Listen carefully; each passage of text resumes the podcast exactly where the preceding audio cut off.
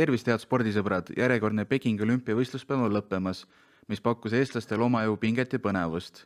Freestyle suusataja Kelly Sildaru võistles rennisõidu finaalis, kus jäi paraku esimesena napilt medalita.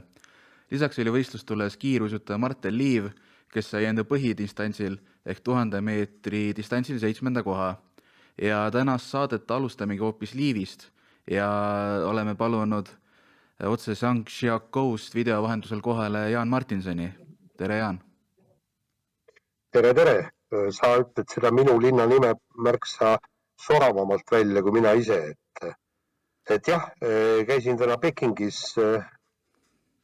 viiskümmend minutit rongisõitu, millega läbiti kakssada kilomeetrit, nii et, et Tallinn-Tartu vahel tuleb säärane liin kindlasti käima panna, aga jääall oli kena aga, aga mis ikkagi peamine oli, oli Martin Liiv ja eks meil oli natuke närv püsti ka, et, et kuidas poisil läheb, tal on ju jaanuarikuust äh, vigastus all jalgrattaga sõites äh, ja tal kaks nädalat jäätreeninguid jäid vahele. aga ta ise kinnitas pärast viiesaja meetri distantsi, et, et ta on väga heas vormis, aga tema treener ütles, et tuhandes meetris peaks tulema väga hea, väga hea tulemus. ei ja noh, väga hea tulemus, eks me hakkame nüüd äh, mõtlema, seitsmes koht. Äh, meie silmis suurepärane, meie aplodeerisime püsti seistes Liivile, aga kui tema ja kui tema treener tulid äh, intervjuutsooni, siis neid mõlemaid valdas kahetised tunded. jah, olümpiamängudel seitsmes koht, suurepärane. Samas jäi pronksmedal null koma seitsmeteistkümne sekundi kaugusele ja siis me tegime kiire arvutuse, mis ei pruugi olla pädev, aga see on umbes kaks, kaks ja pool meetrit. ehk siis äh, imeväike vahemaa, mis lahutas äh, Martin Liivi olümpiamängude medalist. aga noh, lõppkokkuvõttes ta ütles, et, et äh, ta peab rahul olema, aga medalid on tal silmapiiril juba järgmisel aastal ja ta ütles, et äh, järgmine aasta hakkame medalitest mõtlema ja järgmisel või ülejärgmisel aastal ma loodan selle medali ükskord ka võita, no ehk siis jutt käib tiitlivõistlustest. Äh, no sa mainisid, et äh, pronks jäi null koma seitsmeteistkümne sekundi kaugusele, et kas on mingi kiire analüüsi pealt, oskab ka öelda, et kuhu, kuhu see väike ajakadu siis võis minna? ta ütles, et ta tegi üsna täiusliku sõidu kõik oli startkurvidesse sisenemine, sammude tihedus, kõik, kõik oli väga hea, aga ta ütles, et ta oleks tahtnud natukene kiirem olla stardis. et äh, ta tõi seal võrdluseks, äh, ütlen, ütlen siis, valetan, esimesed kuus, kakssada meetrit oli kuusteist koma kuus, aga ta ütles, et Kalgaris ta uisutas kaksteist, kuusteist koma neli ehk siis kaks kümnendikku kiiremini ta siis lisas, et, tegelikult oleks aidanud äkki üks kümnendik kiiremini, kuna see kiirus oleks siis kandunud ka järgmisele distantsile. aga ta ei öelnud, et see oleks tähendanud medalit, ta ütles, et siis ma oleksin ilmselt medalile veelgi lähemal olnud. ja noh, ütleme niimoodi, siis oleks ilmselt ka kripeldus suurem olnud. no ma kujutan ette, et seitsmes koht niisugune kolmekümnendiku ka kaotusega või, või poole sekundi kaotusega ei ole nii valus kui äh, seitsmes koht null koma seitsmeteistkümne sekundilise kaotusega. no samas konkurents oli tihe ju, kui arvestada, et selle null koma seitsmeteistkümne sekundi vahele jäi ju tegelikult veel kolm meest. Äh, ja ei, seda küll ja, ja, ja kiiruisutamine ongi tihe ja no kõik ütlesid, et see ongi meie ala ja meie ala spetsiifika. Äh, samas, kui me vaatame Martin Liivi tänast sõitu on, on üks oli täiesti hämmastav värk, et ta edestas ju kahte hollandlast.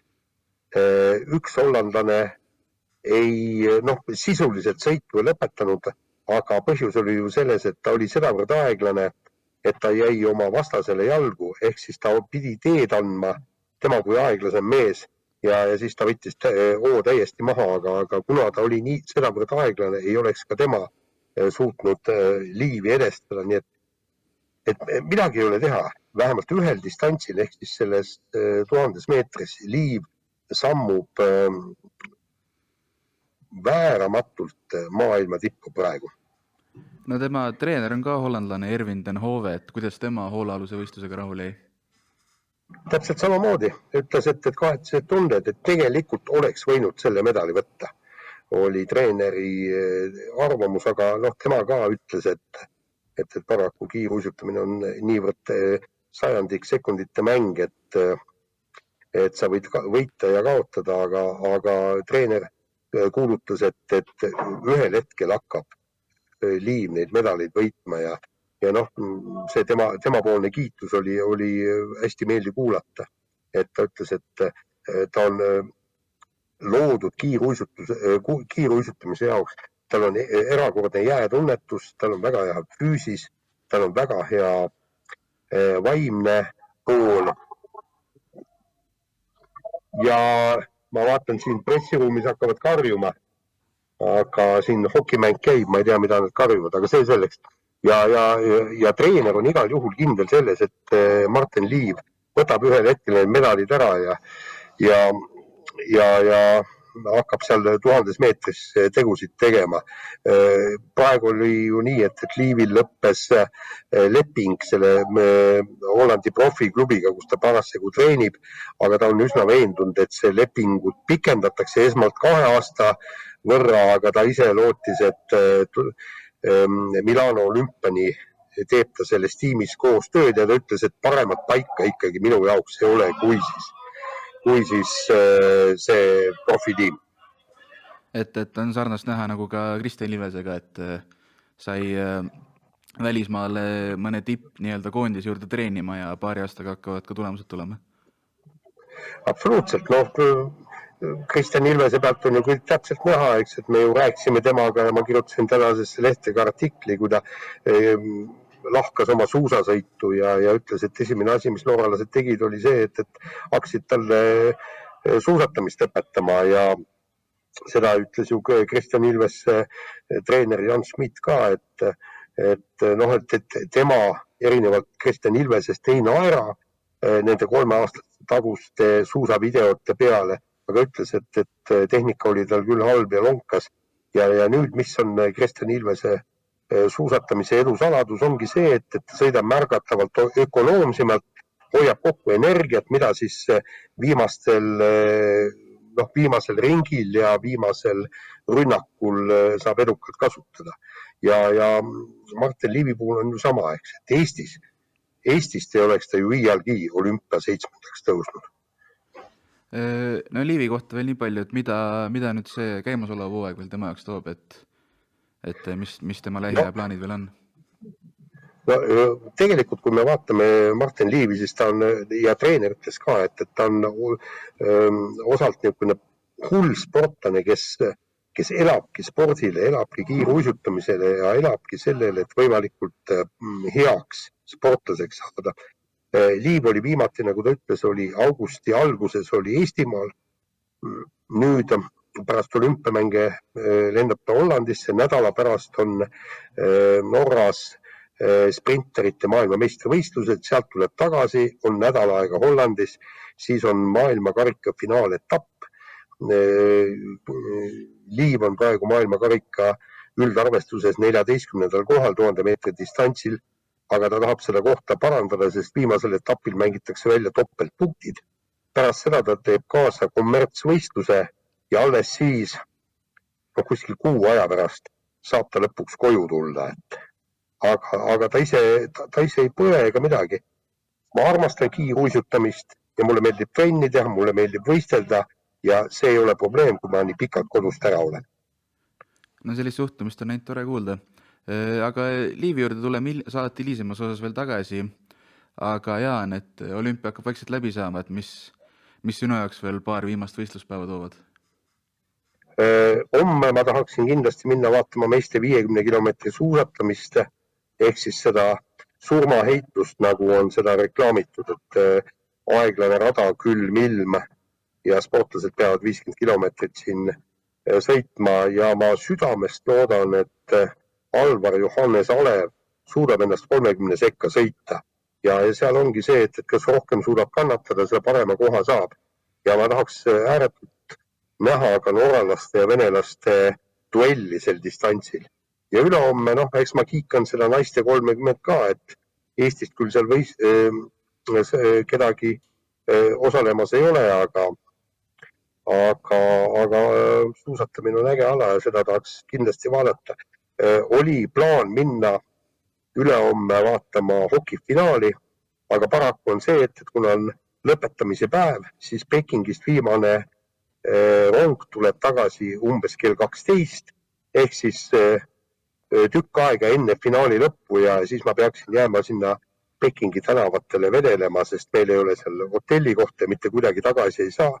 kui siis ainult öösel kella ühe-kahe paiku ja, ja noh, see on minu vana mehe jaoks on liigne piin tassida ööse kella kaheni seal kuskil pressikeskuses ja siis veel umbes neli tundi tagasi hotelli sõita. No siis pead teleriga leppima kuule, aga eh, tänud sulle saatesse tulemast ja jõudu sinna viimasteks päevadeks veel. teeme niimoodi, nägemist. nägemist. saate teises osas oleme liinile võtnud Madis Kalveti, kellega hakkame lähemalt lahkama tänast eh, naiste rennisõidu finaali. tere, Madis äh,! tervist! Eh, no tänane naiste rennisõidu finaal, kus siis kodupubliku rõõmuks võidutses Aileen Kuu, kes sai ülikindla võidu üheksakümne viie koma kahekümne viie punktiga. Eh, nüüdseks juba endine tiitlikaitsja Cashy Sharp oli üheksakümne koma seitsmekümne viie punktiga teine ja teine kanadalanna Rachel Karker kaheksakümne seitsme koma seitsmekümne viie punktiga kolmas. Eh, meie medali lootus Kelly Sildaru jäi paraku täna esimesena pjedestallilt välja. Eh, no Madis, sina olid seal kohapeal, et mis mõtetega sa seda võistlust ja selle kulgu jälgisid? no ikka võistluspaigas, paikas ikka mindud lootusega, et äkki Eesti saab siit olümpialt äh, omale teise medali. ja samas, kui noh, lõpuks sinna nii-öelda renni äärde jõudsin ja nägin, milline see ilm on, et noh, eks ilm oli niisugune tuuline ja see nii-öelda maha saanud lumi tuiskas seal päris, päris laialt, et siis mul nii-öelda tekkis esimene kahtlus, et äkki ikkagi täna võib nagu, võib nagu raskeks kellil minna, sest sellistes oludes on, on, on tal trennis teinekord nagu päris keeruline olnud ja ja lõpuks, lõpuks nii-öelda see esmane tunne ei petnud ja et oligi ikkagi nende kanadalanetel oli täna, oli täna raske vastu saada. aga keerulised ilmaolud olid kõigi jaoks, et kas siis ütleme, kas konkurendid olid siis nendega nii-öelda varasemalt paremini kohanenud või, või millest sa eeldasid, et võib täna nii-öelda raskemaks minna? Äh, noh, tuulega on äh, Kellil tihtilugu nagu see, et ikkagi rennis kipub seda hoogu siis nagu väheks jääma ja ja rennis on ka tuulefaktor tuleb väga, väga noh, nii-öelda esile ka siis, kui sportlased nii-öelda, mida kõrgemale sa renni kohal lähed, seda rohkem see tuul mõjutab. ja noh, Kelly on ise ka varasemalt tunnistanud, ikkagi kuna ta ei ole puhas rennisõitja, siis tal seda nii-öelda kõrgele hüppamise julgust on ka veidike vähem ja samas, kui see tuul ka veel puhub, siis ikkagi on see nii-öelda seda, on, on raske tal nii-öelda seal kõrgemale hüpata ja kõrgemale minna et siis sellega jah, nii-öelda seoses ikkagi tundub, et tal on see nii-öelda raskemates ilmastikuoludes, tal ongi raskem või keerulisem. no palju on juttu olnud, et pronksist jäi lahutama kõigest null koma seitsekümmend viis punkti, et äh, sa oled ise ka juba ühe niisuguse põhjalikuma analüüsi juba kirjutanud, et äh, miks Sildaru just täna jäi äh, medalitelt eemale, et kirjelda palun veidi see nii-öelda analüüs siis lahti või, või et kuhu siis need vajalikud null koma seitsekümmend viis või, või null koma seitsekümmend kuus punkti nii-öelda jäid siis?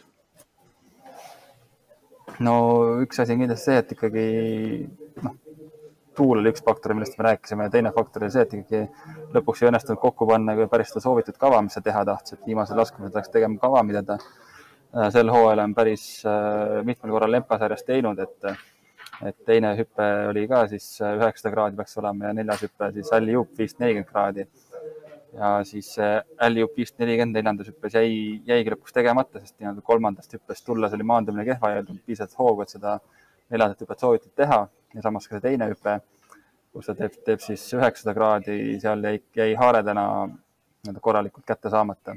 et siuksed nii-öelda mõned nüansid kavas, noh, kui oleks korralikult ära teinud, oleks kindlasti punkte rohkem tulnud ja me räägiks hoopis teist juttu täna. tuul, mida sai mainitud ja siis kindlasti tuleb ka mainida seda, et ikkagi Cashi Sharp, kes sel hooajal on tegelikult siiamaani väga tagasihoidlikult esinenud, tegi pika puuga oma selle hooaja parima esituse, et kui Aileen Kuu oli ilmselt ka kullasoosik, Rachel Karker ja Kelly Sildaru on, noh, on sel hooajal ainult varasemalt korra nii-öelda vastamisi läinud, toona jäi ka Karkeri peal nagu olümpial, aga ka suht napilt. et noh, võis öelda, et nemad on ikkagi suht võrdsed. ja siis Cassie Sharp ikkagi tegi nii-öelda jah, pika puuga selle hooaja parima esituse, et äh, tõusis sealt oma selle hooaja kuskilt sihuke kuuendalt-seitsmendalt kohalt tõusis täna hõbedale, et et oli nii-öelda noh, selles mõttes natuke oli nagu ootamatu, aga samas oli jälle ka oodatav, et et nii-öelda klassi poolest on väga-väga tugev sõitja ja selle hooaja eelnevad võistlused on ikka näidanud, et see põlvevigastusest taastumine on tal läinud nagu raskelt, aga ikkagi nüüd ta olümpiaks suutis selle vajaliku enesekindluse üles leida ja oma, oma sõidu ära teha. no Kelly kommentaaridest sai lugeda, et ega ta tegelikult väga pettunud ei olnud, et ta neljandaks jäi, et missugune, missugune meeleolu sulle temast koha peal seal jäi? eks täpselt selline jäigi, et ega Kelly tuli ajakirjanik ette ja nägu oli selles mõttes ikkagi rõõmus ja naeratas ja rääkis äh, nii-öelda rõõmsal meelel, nagu ta ikka alati räägib, et, et selles mõttes äh, tema näost äh, oli nagu raske välja lugeda, et ta oleks nagu väga-väga pettunud olnud, et, et samas treener Mihkel Ustav oli ikkagi noh, nii-öelda ka sõnades ja olekus natuke ikkagi tunduvalt rohkem pettunud, et tema käis seal natuke hiljem ka siis kohtunikega natuke arutamas, et, et äh, miks, kus ja kuidas nagu neid punkte ikka jagati ja mille eest ja et äh, nii-öelda, aga noh, ta ütles ka, et on asi, millest tuleb õppida ja siit tuleb, tuleb nii-öelda tugevam edasi minna.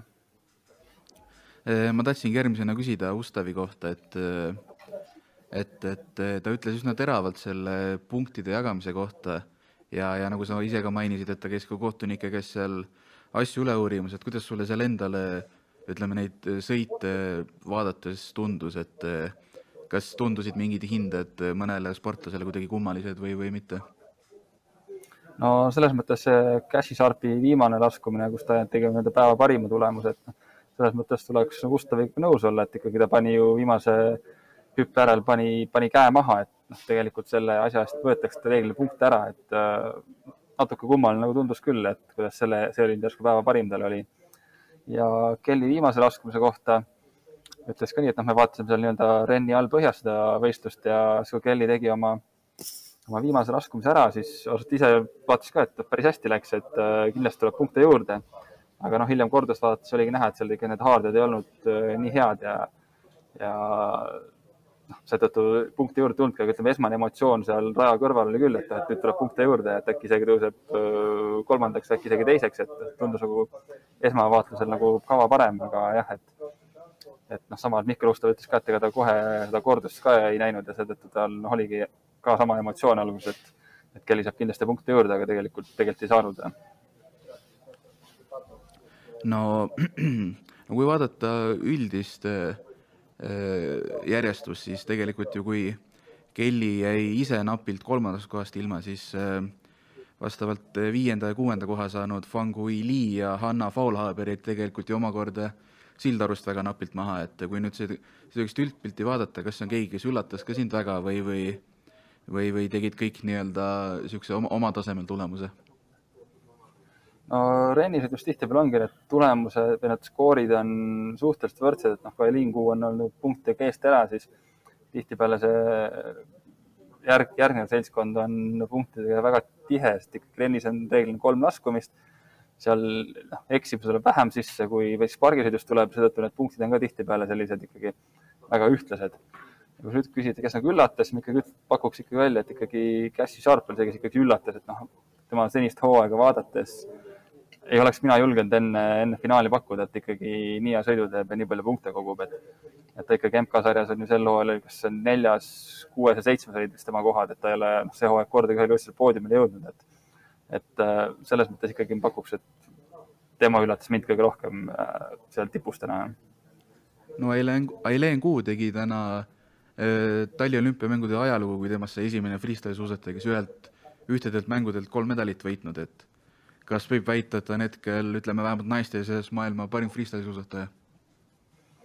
no tundub, tundub küll nii jah, et äh, kui siin olümpia eel noh, räägiti, et ta kolme kulda tahab, siis äh, noh, selle rennisõidu kulla noh, võis ikkagi suhteliselt kindlalt tal juba enne olümpiat ära broneerida. et kui seal pargisõidus ja big air'is on ikkagi konkurendid talle ikkagi väga lähedal, kohati ka paremad, siis, siis rennisõit on tõesti see koht, kus äh, vähemalt sel, sel talvel noh ei ole mitte kellelgi talle mingit vastust olnud, et ta on väga selgelt üle olnud ja, ja hetkel nagu ei tundu, et sel alal keegi talle nüüd kohe-kohe vastu saaks, et seal peaks ikka keegi tegema väga korraliku arenguhüppe, et äh, rennisõidus hakata Eileen Kuule vastu saama. no sa oled ise palju kuust kirjutanud ja ka nüüd Hiinas teda kohapeal võistlemas näinud, et äh, kui suur fenomen ta seal ikkagi on nagu inimese ja, ja sportlasena? No kohalike jaoks ta on ikkagi jah, et äh, kohati täiesti nagu kummaline näha, et kui tema sealt näiteks mäest alla tuleb, siis vabatahtlikud kraamivad oma telefonid taskust välja, kõik filmivad teda eemalt.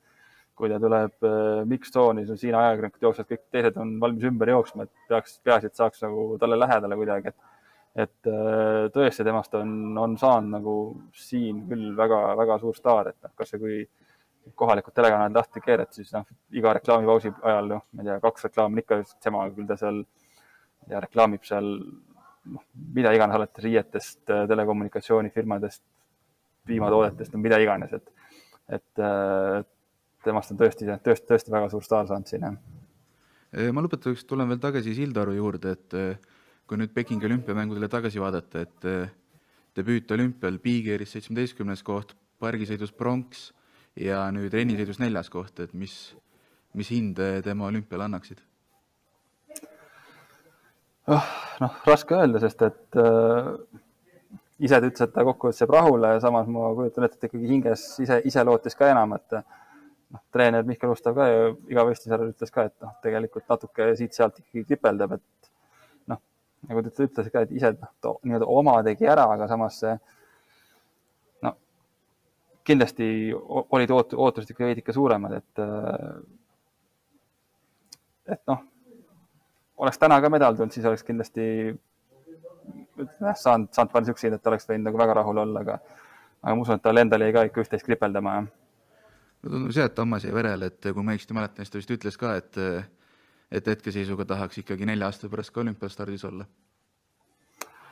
Ja et ta seal nagu otseselt nagu sada protsenti ei lubanud seda, aga ta ütles, et see kogemus, mis ta siit Pekingist sai, oli selline, mis äh, mis nii-öelda innustab seda tõenäoliselt ikka edasi pingutama ja tahaks nelja aasta pärast äh, Itaalias Milanos ka kohal olla ja jälle olümpial osaleda.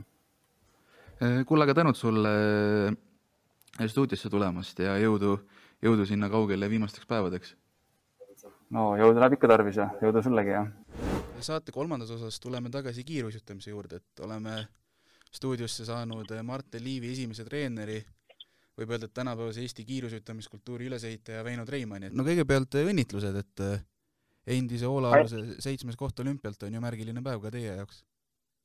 kindlasti. Äh, no rääkige veidi, kuidas ise hommikul Liivi võistlust jälgisite ja mis emotsioonid ja tunded valdasid? no me jälgisime kogu kooliperega ja nagu ma ise kunagi pakkusin, et kuues koht oleks väga hea praktiliselt kuues oligi. no pärast võistlust ajakirjanikele kommentaare andes pidas Liiv eraldi just teid meeles, et äh, ütles, et ilma teieta ei oleks ta olümpiale, olümpiale kunagi jõudnudki, et äh, kas olete jõudnud juba ise ka temaga suhelda täna? jah, põgusalt äh, õnnitlesin ja paar sõna rääkisin. eks ta ole jah, et kolmkümmend viis aastat ju Eestis kiirustamist polnud. rahvas oli selle juba ära unustanud ja siis ma siin pooljuhuslikult Adaveres alustasin. ja nii me sinna jõudsime. no kui te liivi. arenesin, are-, arenesin koos lastega.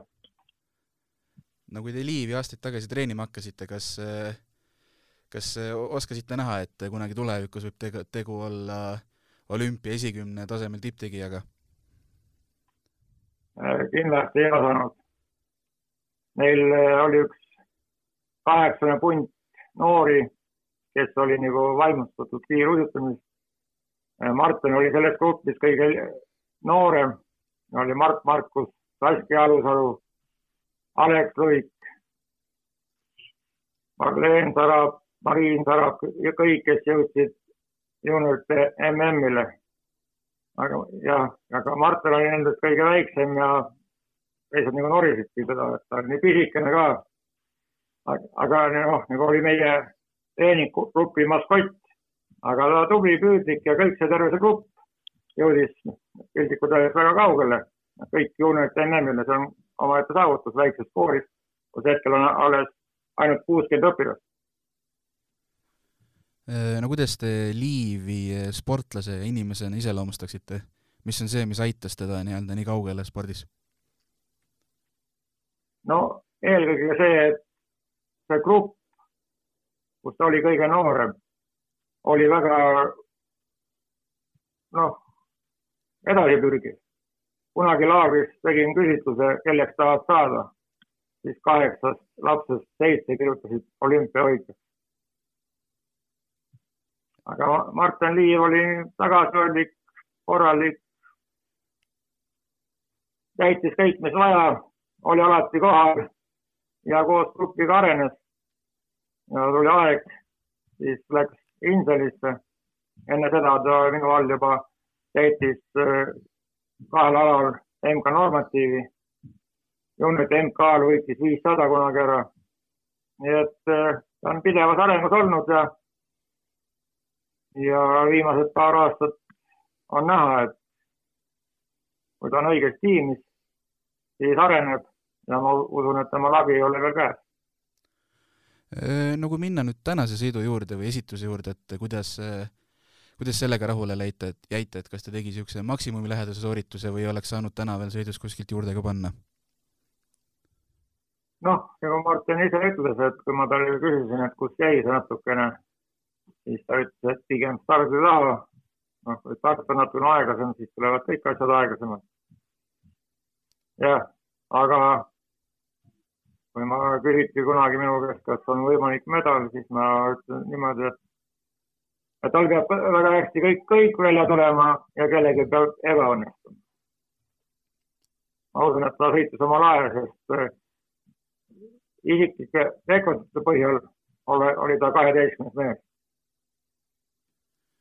No arvestades äh, Liivi vanust ja, ja ka tema enda kommentaare, et äh, et natuke ikkagi kripeldama, et selle pealt kõigepealt tundub ju, et et seitsmes koht olümpialt ei ole ju kaugeltki ju tema lagi ka, nagu te ka ise vihjasite Äh, kindlasti jah, aga ta ole nagu Martini treenergi ütles, et, et ta on õnnelik nagu soorituse üle, aga mitte tulemuse üle. lootsime paremat. eks me kõik lootsime paremat. Aga ma usun, et ta tegi hetkel oma ära. ja nagu ma olen öelnud, et Martini olümpia oli mitte see, vaid järgmine. no siin olümpial tegi ta kaks starti, et äh nii-öelda lahtisõit toimus viiesaja meetri distantsil ja nüüd täna oli siis põhivõistlus, et eh, kas tundub, et oli vist õige lähenemine, et eh, nii-öelda kõrvaldistantsil eh, soojaks sõita? no kindlasti, kindlasti. Kahju muidugi, et ta tuhande viiesajast peale ei saanud. ma arvan, et ta oleks, oleks ka seal hästi sõitnud. aga noh, eks see ole tema praeguse treeneri otsus panustasid ühele kaardile, ühele võistlusele, aga paraku tal ei õnnestunud olümpiakohta saada no,. mina ise arvan, et, et Martini põhiala on tuhat viissada. No nüüd tal oli olümpial oli kahe stardi vahel oli küll nädal aega, et äh, kuidas selle nädalaga nii-öelda ennast hoida sellises võistlus, võistlusmeeleolus, et kui nii pikk paus on ühel olümpial? noh, ma usun, et et see ei olnud probleem. eelmine, eelmine olümpia oli samamoodi pikad pausid. aga pigem, kui me räägime sellest, kuhu see jäi, siis ilmselt jäi sinna vigastuse taha, mis tal oli. Et ta jäi nagu enne, enne olümpiat oli väga pikk paus startides. Euroopakate võistluda ei saanud ja jalg,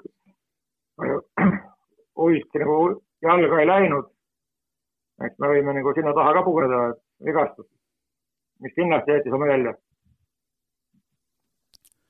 no seda hooaega on ka veel natukene jäänud, aga, aga vaatame ka natukene tuleviku poole, et mida, mida võiks Liivilt järgmise paari aasta jooksul oodata, missugust arengut või edasiminekut?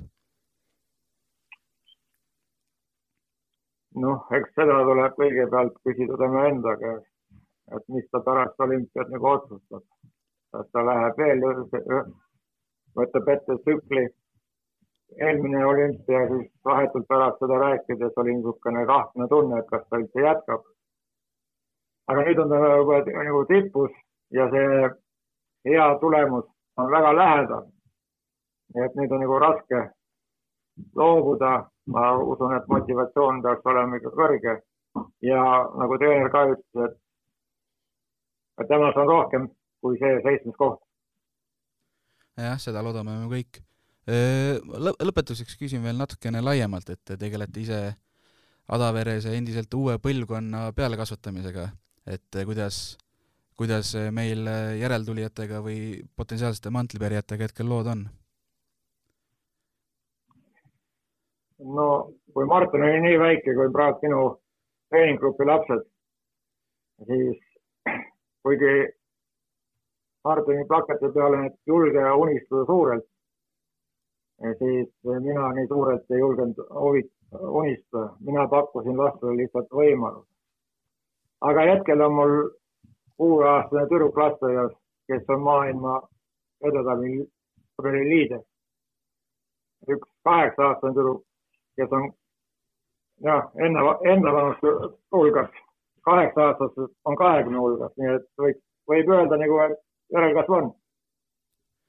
seda on hea kuulda. aga, aga Martiniga ma tegelesin kümme aastat, kui ta nii kaugele jõudis ja ma saan see aasta seitsekümmend, nii et väga kahtlane, et ma teine kümme aastat vastu pean. Äh, aga selge. aga parimad. absoluutselt. jah aga tänud aega leidmast ja tänud muljete ja arvamuste jagamisest. kui on tervist ja lastel on sära silmis, siis nii kaua ikka teeb. oh, seda on hea kuulda. aga, aga selge ja kõike head teile! aitäh teile ka!